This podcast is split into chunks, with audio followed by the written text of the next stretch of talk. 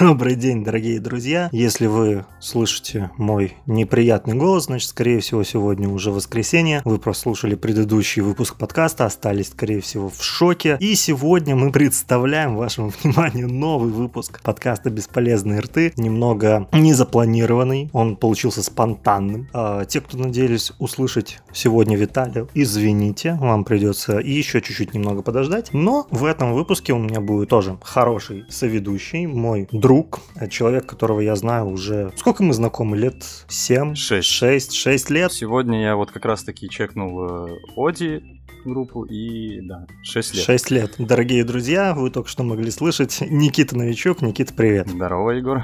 Смотри, а, сразу хочу тебя поблагодарить за то, что ты пришел к нам в подкаст. И поскольку у нас сегодня не совсем такой запланированный выпуск, ребята, он может быть немного сумбурный, поскольку Кастбокс немного дает какие-то сбои и не позволяет мне проверить, смог ли я нормально закинуть предыдущий выпуск. Я надеюсь, что вы его уже послушали и поставили нам лайк. То сегодня мы поговорим о чем правильно давным-давно я планировал выпустить какой-нибудь выпуск, посвященный озвучкам, вообще посвященный творчеству моего сайт-проекта Huntsman Community. Мы хотели позвать в эту же озвучку Дениса за динозавра, поговорить по поводу озвучки. Ри, как я... Я не помню, как... слушай, как у Ри была кликуха? Просто Ри, я не помню иначе как было. Просто Ри, да? Ну, то есть собрать какую-то нашу банду, собрать какой-то основной костяк озвучек, рассказать историю становления, то, как мы начали этим заниматься, получиться, но, к сожалению, у ребят не получилось, поэтому сегодня мы сделаем такой небольшой тизер-прогон. Пока что, да. Вместе с Ником. Нас с Ником называли вторым белорусским фронтом озвучек. Ну, в принципе, знаешь, я как-то на днях пересмотрел наши вещи, там, с 17 -го года где-то.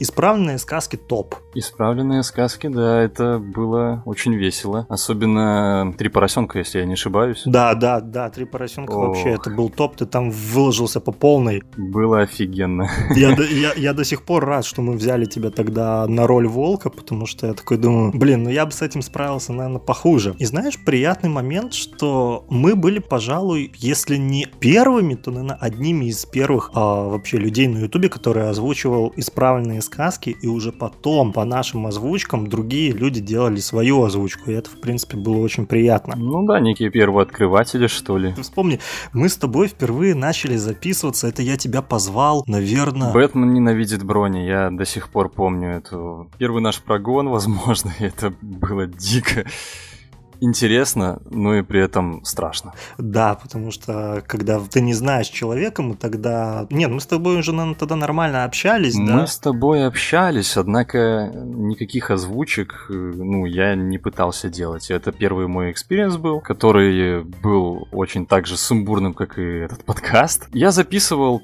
я не помню сколько, ну, наверное, полтора часа, и, по сути, там записывать, ну, если сейчас вот смотреть, было особо нечего. Да, там, по-моему, три минуты шел ролик на самом деле, ребята, закулисное, вот это вот все того, чего вы не видите, как происходит озвучка, как происходит монтаж, как потом происходит сведение, это, ну, дорогого стоит, потому что первые мои самые-самые первые озвучки, когда это год 2012, конец 2012 года, когда я только узнал о студии Хиши, когда первые выпуски этого супер кафе, там, подожди, Бэтфон, по-моему, был выпуск, про Комикон был выпуск, то есть вот те вещи, я тогда вообще ничего не умел делать, я это записывал на диктофон телефон старого Nokia. Ой, Nokia, говорю, какой Nokia? Nokia у меня только потом появился. Это был Sony Ericsson K750. Я сидел, скачивал э, видосы через SafeROM, я не знаю, там в разрешении чуть ли не 144. Монтировал это в Movie Maker, переводил это все на слух, потому что я тогда даже знать не знал, что есть такое понятие, как вшитые субтитры, и что по ним можно переводить. Я, вы... я брал тетрадку, я выписывал это все по предложениям, пытался как-то подогнать, поэтому очень очень часто перевод был просто абсурдным. Я это все выкладывал и не понимал, почему у людей бомбит. Типа, я вам перевод сделал, что вам не нравится? Они такие, так это ж смотреть невозможно, где 4К? Ладно, на тот момент еще не было понятия 4K, но типа 1080. 1080, кстати, да, ну, типа не сразу даже сделал, это может быть года через два, через три. Ну ладно, обо мне-то мы поговорим. Ты вот расскажи свой первый опыт, первый experience вот тогда, возвращаясь к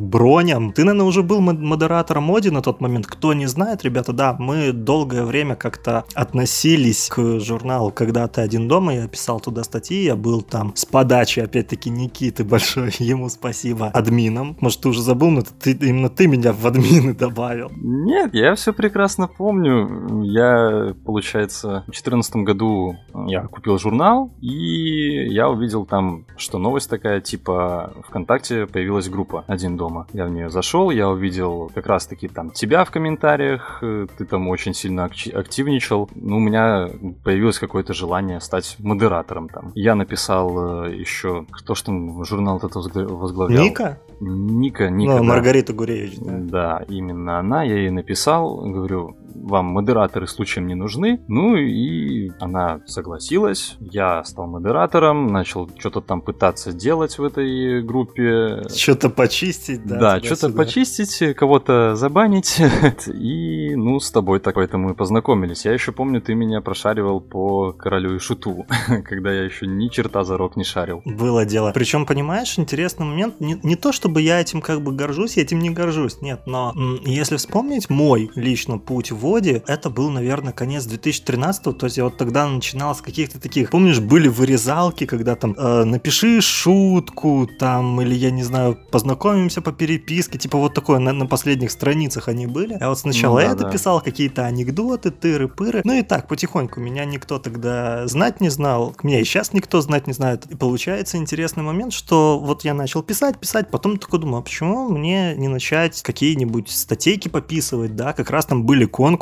Блин, в конкурсах тогда еще были классные призы. Ты вспомни, это был 2013 год, это были там, не знаю, флешки, какие-то приставки. Геймпады. Геймпады, да, Logitech. На минуточку, наверное, геймпады, самых... которые... Они, вот твой геймпад, который ты выиграл, э, он сейчас стоит порядка, ну, рублей 80. Это, ну, почти миллион, это, это хорошая такая цена. Это такой... Это, это, это годно, причем я на геймпаде гонял, наверное, ну, не так много. Я помню, что я как-то на одно лето с другом поменялся, я дал ему этот геймпад, потому что он беспроводной, а он мне дал PSP. И я тогда типа, опа, моя рубрика. Я тогда делал обзоры а, на PSP-шку. Да, да, да. это уже было по позже, это был Помню. уже, наверное, 2015 год или где-то так. Но вот возвращаясь туда, назад к истокам, вот я начал писать какие-то первые статьи сначала, ну, понятно, на конкурсной основе, что конкурс, вот ты написал, получил баллы, а потом я как-то, я начал писать просто, потому что я писал, писал, писал, писал, писал, один конкурс выиграл, второй, третий, четвертый, пятый, а потом конкурсы закончились. Не, ну, в принципе, да, это было интересно, и я вот тогда познакомился с Никой, и это только там, я не знаю, через два или через три года для меня реально было открытием, что это была Маргарита Гуревич, редактор на тот момент Тоди, и я такой, чё, мой мир перевернулся. Да, да, просто вспоминать наши эти детективные какие-то истории, да, как мы искали, выводили на чистую воду эту Маргариту Гуревич, что она является Никой этой и Ивановой, было дико. И примерно в тот момент я с ней познакомился, и тогда была создана первая группа журнала «Когда ты один дома». Ну, может, ты даже не знаешь, их на самом деле было две. Я помню, было дело, да. Да, да, и я тогда типа, ну окей, давайте делать. И ничего из той группы, разумеется, не вышло. Там было, я не знаю, человек 40, может, каких подписчиков, да. Потом мы перекочевали уже непосредственно в новую группу, и я такой думаю, ну давайте писать. Ну, от журнала же пиара, по сути, не было, а, ну, про первую группу. Никто не это самое, то есть, как бы упоминание о том, что у журнала появился онлайн какой-то, да, ну, был уже там, я не знаю, году в 15 И вот, мы потихоньку начали писать, а потом, ну, ты меня уже сделал админом, и я такой, ну, окей, давайте на правах админа. Вообще, вообще, Егор, я удивляюсь, почему ты, ну, сам как-то не захотел стать админом. Я думал, ты первее возьмешь там флаг в свои руки, и да, инициативу, и станешь админом, потому как именно ты там, ну, я активничал, по сути. Я тебе так скажу, я ссыковал. Ну, я писал, да, я думал тогда, что, типа, вот, редакторская коллегия, это что-то, ну, например, там, недосягаемое, да, что, типа, здрасте, я вот такой вот маленький мальчик, который тут, типа, немного завидует другим ребятам, которые пишут в журнал, и который решил, типа, почему я так не могу? Я тоже хочу, чтобы меня знали. Прошло, блин, пять лет, меня никто не знает. За, за, исключением там тех немногих людей, которые познакомились со мной именно благодаря журналу. И сейчас вот очень интересно, когда кто-то из новых знакомых, ты у них спрашиваешь, типа, ребята, вы Оди читали? Они такие, да. Я говорю, «А ты в курсе, что я написал? Чё? Они лезут там искать свои архивы, находят там один-два журнала, где есть мои статьи. И такие, чё? Это как вообще? Ну да, и вот по сути нас свело с тобой Оди. Да, за что, за что большое спасибо. Журнал сейчас э, развивается, у журнала сейчас поменялся редактор, у журнала сейчас поменялся вектор, он в принципе вырос, он... Да здорово! Я, я сижу и думаю, что я, наверное... Не стоит на месте. Да, что я, наверное, не дожал тогда. Вот мне не хватило совсем немного, то есть мне э, тот момент не нравился абсолютно. Ну, потому что очень много было таких, ну, абсолютно левых, мне казалось. Это некий был застой. Да, я тогда немного подзабил, хотя у меня было желание, в принципе, вернуться, писать, и кто не в курсе, но вот сейчас в какой-то выпуск был, в январском выпуске, да, есть моя большая хорошая статья по серии игр «Властелин колец», так что, ребятки, кому интересно, кто это и что это, и... Бегом в киоске. Да, да, да, да, да, кто это и что это, это, это я, я, я, я здесь, по ту сторону экрана, по ту сторону ваших наушников. Ну вот, мы немного отошли, я к чему тогда? Вот я получил вот эти какие-то полномочия, и я думаю, блин, надо пиарить другие проекты. То есть, в первую очередь, надо пиарить Huntsman комьюнити. Нужны... Самого себя. Да, нужны озвучки. Их надо проталкивать. Комиксы, их надо проталкивать. Хотя на тот момент я комиксы, наверное, еще... Не, я тогда комиксами еще не занимался. Были какие-то такие попытки, да, но я такой... Ты, да, ты не занимался. Понятно, я этого делать не буду. Уже там в 15 там я начал как-то пытаться про протолкнуть Одли, потому что Отис Фрамптон рисовал задники для Хиша, и это его проект, но у меня тоже ничего не получалось. Потом, если вспомнишь, были наши с тобой попытки обзоров комиксов, там на Алису мы делали, нам потом разгромные отзывы писали, что-то еще, то есть Just Comics, вот этот вот небольшой проектик был. Но это было, в принципе, весело, это было интересно и здорово, но возвращаясь к озвучкам, нам это не помогло. Вот серьезно, я помню, я писал большую статью в Воде вообще про Хиша, я намекал на то, что, ребята, я занимаюсь озвучкой там уже несколько лет, вы можете там на канале это смотреть, вы можете там в группе это смотреть. Нет, лайки шли, не было прям такого какого-то вау-вау отдачи. Скачка дикого. Вот смотри, а если помнишь, в Каламбуре когда-то был чувак по имени, по, по имени, блин, по, по, по прозвищу Лео. О, я Каламбур вообще особо не читал, так как, будучи ребенком, я немного презирал анимешников, не знаю даже почему. Да, грешу. О, брат, брат, тебе скоро стукнет двадцатник, и ты все поймешь, ты откроешь для себя мир аниме, поймешь, что есть хорошие жанры. Да, да, я через все это проходил. Пять невест лак-плак, зачем же было сливать так концовку? Ладно, так вот, смотри, этот чувак постоянно что-то писал, по нему текли девчонки, такие, вау, Лео, Лео, кто ты такой? Я такой, блин, типа, скопипасить с интернета инфу и напечатать ее в журнале и я могу. И я начал писать, писать, писать, но каламбур очень быстро меня как бы остудил в этом плане, потому что, да, я тогда не был, не, я и сейчас не являюсь анимешником, в принципе, я так, я смотрю какие-то избранные тайтлы определенных каких-то жанров, но, типа, я не слежу прям за мейнстримом и не могу там затирать, не знаю, за какого-нибудь One Punch Man'а или что-нибудь в этом роде. И получается, я такой, блин, надо перекидываться на Оди, как бы Оди мне в этом плане близок, потому что... Ну да, там такое комьюнити было геймерское, более-менее даже гиковское. Геймерское, вот да, немного гиковское, как бы вот я пытался вот эту вот geek-идею продвинуть. Да и сейчас пытаешься продвинуть. Нет, сейчас они молодцы, сейчас они и без меня хорошо справляются. Но просто если вспомнить там год 2015, когда ты открываешь журнал, и там 3-4 журнала подряд, по 3-4 статьи моих в каждом. Ну, в целом много было статей от тебя в каждом выпуске, я просто вспоминаю. Номере, да, я, я писал много, мне это было интересно, мне за это не платили.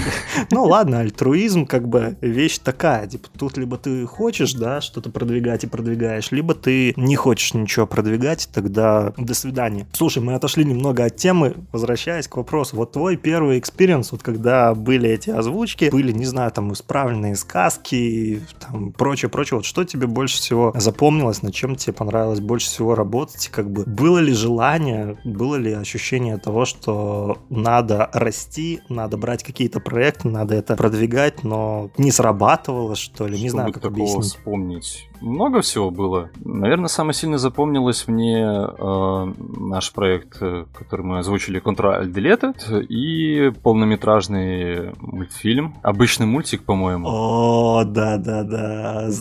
Вот да, это было масштабно. Show The Movie. Блин, такое, такое забыть. Блин, я до сих пор, я до сих пор мечтаю о том, чтобы повторить бы подобный опыт, но как бы, но не получается, потому что сейчас очень много кто озвучивает какие-то вещи, а брать то, что уже озвучено, как-то не хочется. Плюс мы так конкретно забивали, наверное, там, не знаю, в 2017-2018 год, где-то так абсолютно. Ну, это как бы не совсем от нас зависело, потому как э, учеба, иные дела, и, соответственно, времени на озвучку особо не было. Да, никакого. да, да, и в принципе писаться в один голос, ну, come on, это не 2012 год. Типа мы уже сработались, хотелось чего-то такого Вспоминая больше. те масштабы, да, хотелось еще больше и больше. Вот вспомнить этот обычный мультик, э, сколько там людей было задействовано. О, много, человек 20, наверное. Ну, не знаю, для нас это было интересно, и это, наверное, самое главное. Потому как, по идее, просмотров оно много не собрало. Обычный мульт, в принципе, его тогда, если помнишь, его забанили ВКонтакте, его забанили на каких-то сайтах. Единственное, он там лежит сейчас еще, по-моему, где-то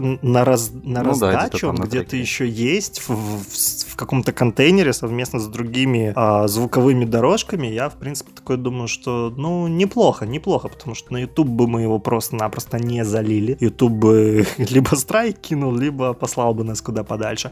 Но, в принципе, да, это тот опыт, который, не знаю, повторить, и если вспоминать Ctrl-Alt-Del, который тоже, к сожалению, не выстрелил, но это был такой гиковский анимационный сериал, который мы, выпусков 5, наверное, мы его сделали. Ну, порядка пяти. Где-то И так то, или- мы, по-моему, пятый до конца не закончили. как бы опять-таки не от нас зависит. Такой небольшой инсайт.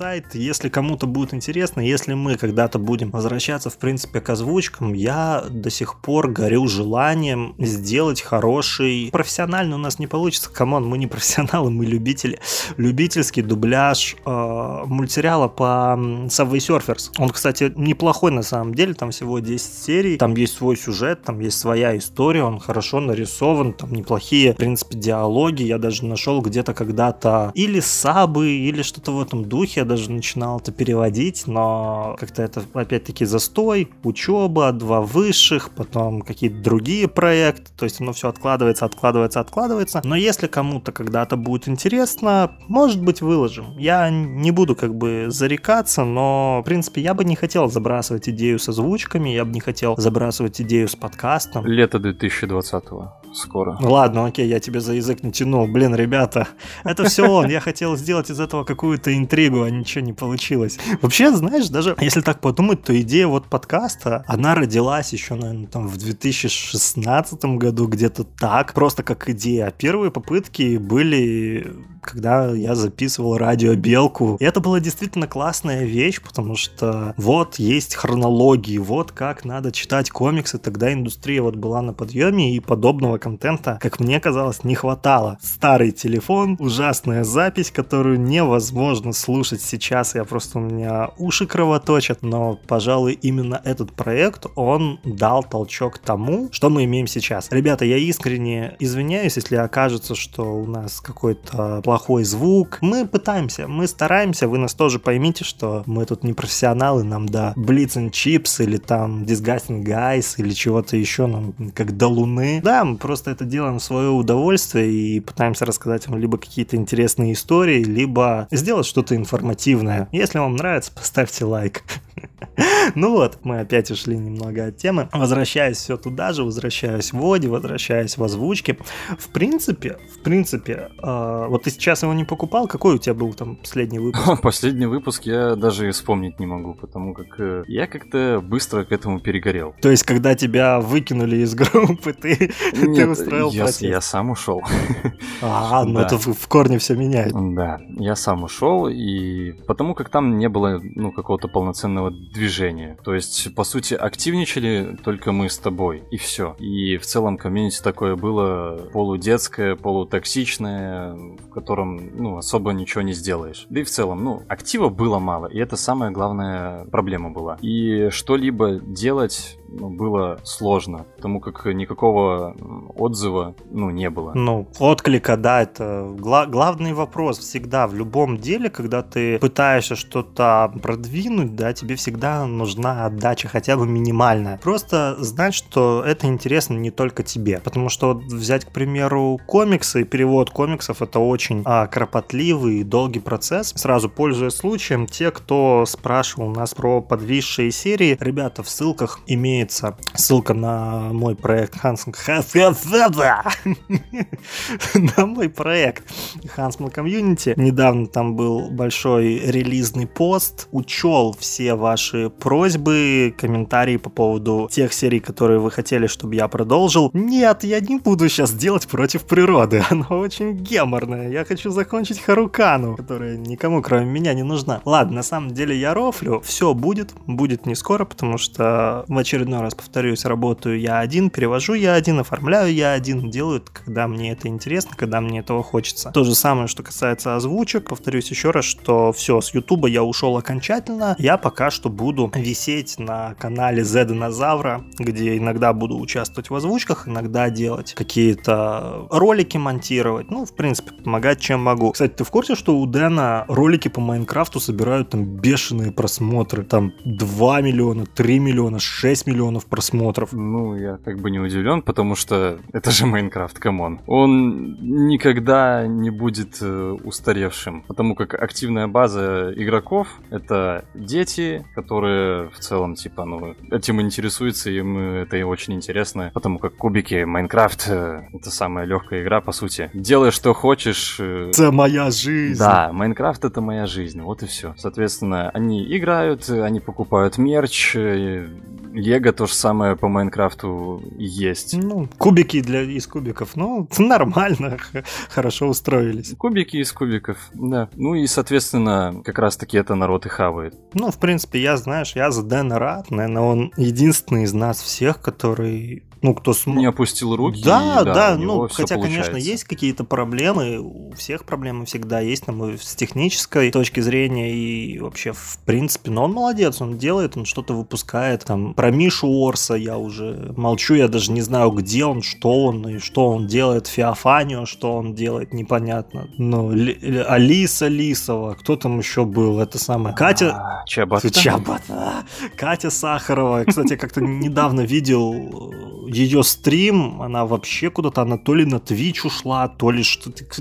То есть... Чабат? Нет, это Сахарова. Чабата выпускает а. там иногда какие-то ролики, которые, мол, типа, что выстреливает, то выстреливает. Detroit Become a Human, Life is Strange Да, да, да, Life is Strange, там что-то Little Nightmare, по-моему, что вот такого плана. Удушательно, короче. И ну, типа, скажем проект. так, Чабата никогда не держалась за нас. Вот Ри, Ри молодец. Ри, типа, делает озвучки, ну, да. когда мы ее просим, это здорово, это, это приятно. Ну, у нас есть разногласия, я никогда, типа, этого не скрывал, потому что каждый видит как-то по-своему, даже вот подкасты, кто-то говорит, ребята, вы должны там выпускать это постоянно, кто-то говорит, нет, мы должны там, типа, не должны гнаться за качеством, мы должны там, фу, блин, гнаться за качеством. Да, мы не должны гнаться за качеством, давай вот. Мы не должны, ни в коем случае. Возвращаясь, типа, коде к активной базе, посмотрел сейчас некоторые последние выпуски того, как менялся Оди, а, блин, его стало приятно держать в руках, его стало приятно читать, он стал более такой гиканутый, а, много много кто пишет. Из старых людей, которых я знал, я никого не помню. Единственное, я иногда натыкаюсь в группе на Илью Ивину, которая, по-моему, с 2016 года или где-то так. Но зато теперь хотя бы в Воде есть контент. Он есть, да, его там не всегда много кто лайкает, но он есть. Это вот то, за что, можно вообще сказать, сражались? То, за что мы с тобой сражались там в начале там, десятых годов. Ну да, почти сражались. Они молодцы, они выбрали нужный, как мне кажется, путь, путь, они выбрали а, какую-то правильную стратегию, которую надо было начать развивать еще, когда я там что-то об этом говорил. Но видишь, у нас, как обычно, у нас типа никто никого не слушает, и те, кто у нас сверху, кто у нас боссы, те считают, что они знают, что такое модно и молодежно. Именно поэтому в рекламе Лейса мы имеем Ольгу Бузову, а, блин, где-то еще люди не знают, что такое подкаст и как с этим работать. Не будем в это вдаваться, потому как э, что-то это слишком уж не гиковская вещь. Мы очень надеемся, что данный выпуск вам был интересен, что данный выпуск э, не заставил вас э, скучать. Поэтому спасибо большое, что слушали нас. Спасибо большое, что продолжаете нас слушать. Мы хотим с каждым выпуском делать наши подкасты все лучше и лучше. И, разумеется, надеемся на ваш отзыв, на вашу поддержку и на вашу заинтересованность. Подписывайтесь на официальную группу ВКонтакте, слушайте нас на цифровых площадках, на которых вам это удобно. И надеюсь, что выпуск будет не последний, и мы еще какое-то время будем радовать вас своими выпусками. Или наоборот, раздражать моим дебильным голосом, который невозможно просто никак слушать, да. Мы стараемся для вас, надеемся, что впереди еще будет много разных интересных проектов, много разных интересных каких-то задумок. Еще раз спасибо, с вами был Никита, с вами был Егор. Спасибо большое и услышимся, я думаю, уже совсем скоро, в следующее воскресенье. Пока-пока.